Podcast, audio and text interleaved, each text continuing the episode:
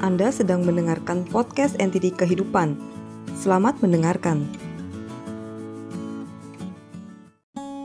Kisah sebatang pensil. Suatu hari seorang cucu sedang bermain di rumah neneknya. Neneknya itu sedang menulis surat dengan sebatang pensil. Cucunya itu jadi penasaran. Nek, nenek tulis apa sih? Sang nenek berhenti menulis lalu memandang cucunya.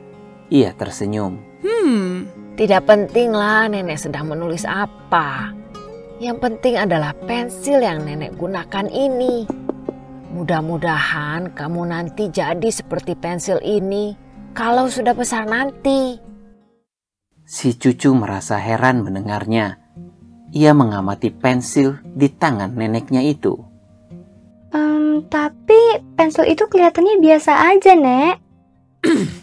Hahaha, cu. Itu tergantung bagaimana kamu memandangnya.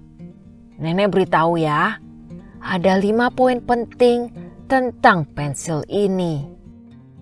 Pertama, kamu sanggup melakukan hal-hal yang besar. Tetapi jangan pernah lupa, ada tangan yang membimbing setiap langkahmu. Kita menyebutnya tangan Tuhan.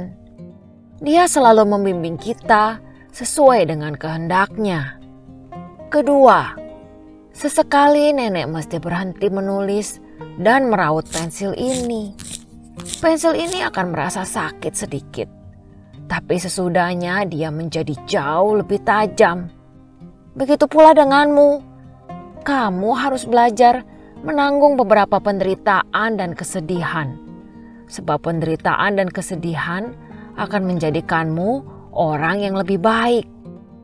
Ketiga, pensil ini tidak keberatan kalau kita menggunakan penghapus untuk menghapus kesalahan-kesalahan yang kita buat.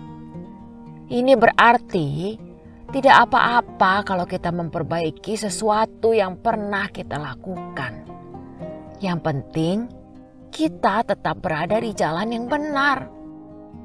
Keempat, yang paling penting pada sebatang pensil bukanlah bagian luarnya yang dari kayu, melainkan bahan grafit di dalamnya. Jadi, perhatikan selalu apa yang sedang berlangsung di dalam dirimu. Dan yang kelima, pensil ini selalu meninggalkan bekas. Begitu pula apa pun yang kamu lakukan.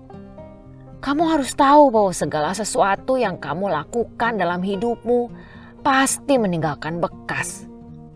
Maka berusahalah untuk menyadari hal tersebut dalam setiap tindakanmu.